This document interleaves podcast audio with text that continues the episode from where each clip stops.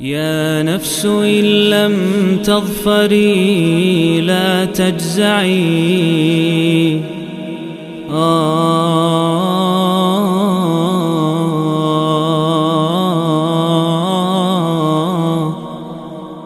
Bismillahirrahmanirrahim. Alhamdulillah rabbil alamin wa bihi nasta'in ala umuri dunya waddin wassalatu wassalamu ala asyrafil anbiya'i wal mursalin sayyidina wa habibina wa qudwatina Muhammadin wa ala alihi wa sahbihi ajma'in amma ba'd. Para hadirin yang dirahmati Allah, ini adalah uh, lanjutan dari serial 114 hari menyambut bulan Ramadan dan kita kali ini di surat Al-A'la, surat yang ke-87.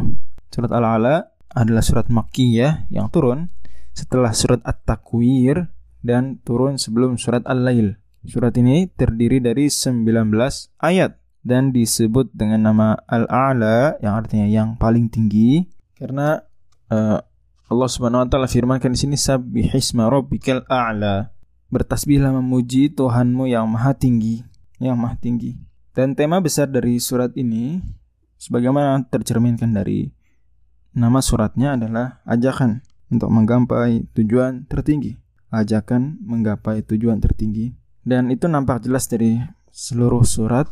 Lebih-lebih ketika Allah Subhanahu wa taala firmankan di ayat ke-16 bal tu'thirunal hayatad dunya wal akhiratu khairu wa abqa. Kan tapi justru kalian kata Allah lebih memprioritaskan kehidupan dunia di mana dunia juga punya makna paling rendah ya. Kehidupan yang rendah kehidupan yang paling dekat juga bisa. Sementara akhirat kata Allah lebih baik dan lebih kekal. Jadi janganlah tertipu, janganlah cenderung memprioritaskan sesuatu padahal ada tujuan lebih tinggi, tujuan tertinggi yang bisa dan memang semestinya kalian kejar untuk kalian gapai.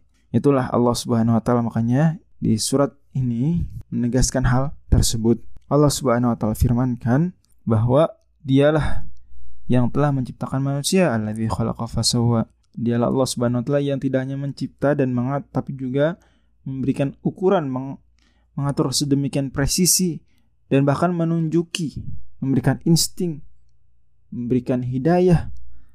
Hidayah tentu dengan pemaknaan yang beragam. Ya, tergantung kasusnya. Walladzi qaddara fahada. Allah Subhanahu wa taala terus juga bahkan di alam semesta ini mencipta, ya, menghidupkan kembali, mematikan, Allah firmankan kemudian, Sanuqra'uka falatansa. Kami akan bacakan Al-Quran kepada engkau, hai Nabi. Dan kau tidak akan lupa, kecuali kalau Allah berkehendak. Illa, Masya Allah. Allah subhanahu wa ta'ala mengetahui apa yang nampak dan apa yang tersembunyi. Allah subhanahu wa ta'ala juga akan memudahkan engkau, wahai Nabi, menuju al-yusra, yang tertasir al-yusra surga.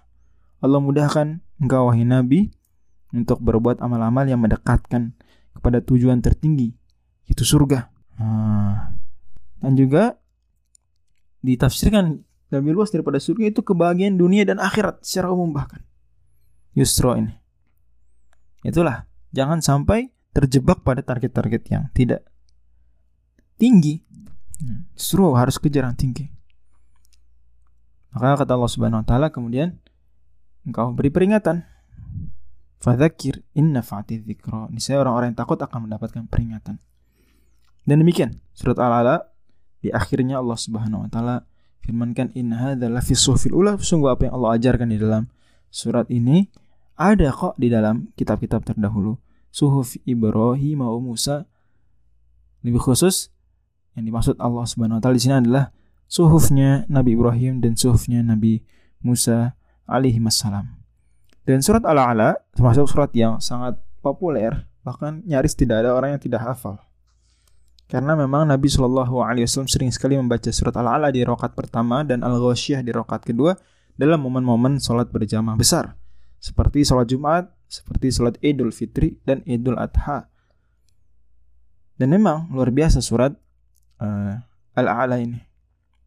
Allah Subhanahu wa taala dengan uh, surat Al-A'la ini dan juga Nabi ketika mensunahkan membaca surat Al-A'la di momen-momen besar tadi ingin mengajak kaum muslimin agar benar-benar bersemangat di dunia, tidak melalaikannya, tapi jangan sampai terjebak dengan dunia, melupakan target yang jauh lebih tinggi, target yang jauh lebih mulia yang harus dikejar. Itulah. Yaitu apa? Jangan sampai bal tu'thirunal hayatad dunia wal akhiratu khairu wa abqa. Dan adalah menarik Allah Subhanahu wa taala menambahkan wa abqa padahal sebetulnya sekilas cukuplah Allah bilang wal akhiratu khairan. Dan akhirat lebih baik. Sudah. Kan tapi mungkin ada orang berpandangan, iya akhirat lebih baik, tapi berat dunia juga mengandung kebaikan dong. Sekilas kan? Terfahami demikian. Maka Allah katakan bahwa oke, okay, andai dunia mengandung kebaikan juga, tapi dunia tidak kekal, dunia tidak lama, akhirat oh abeko jauh lebih kekal. Jauh lebih kekal. Kan dunia anda anda merasa saya bertahan dengan nikmat ini selama 50 tahun. Oke 50 tahun. Setelah itu adapun di akhirat maka selama-lamanya rugi kalau seandainya kita berkorban banyak ya untuk sesuatu yang tidak lebih baik sesuatu yang tidak kekal sesuatu yang bahkan ya dunia secara makna bahasanya yang hina yang paling rendah sebetulnya apa sekali lagi hina di sini ketika dibandingkan akhirat bukan berarti hina kita abaikan. Harap difahami dengan baik. Kita memahami Quran utuh, tidak setengah-setengah, tidak parsial sepotong-sepotong. Dan hubungannya dengan surat sebelumnya adalah ketika surat sebelumnya mengajarkan kepada kita bahwa jangan takut berbuat baik karena penjagaan Allah menembus segala batas. Juga jangan berani berbuat salah ya karena pengawasan Allah menembus segala batas maka di surat ini Allah Subhanahu wa taala tegaskan bahwa amal soleh yang kalian lakukan itu pada akhirnya Allah yang mudahkan.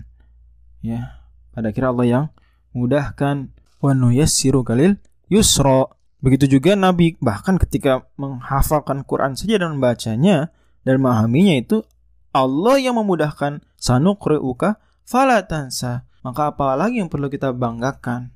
Ya, kita beramal dengan sumber daya berasal dari Allah. Kita beramal dimudahkan sama Allah.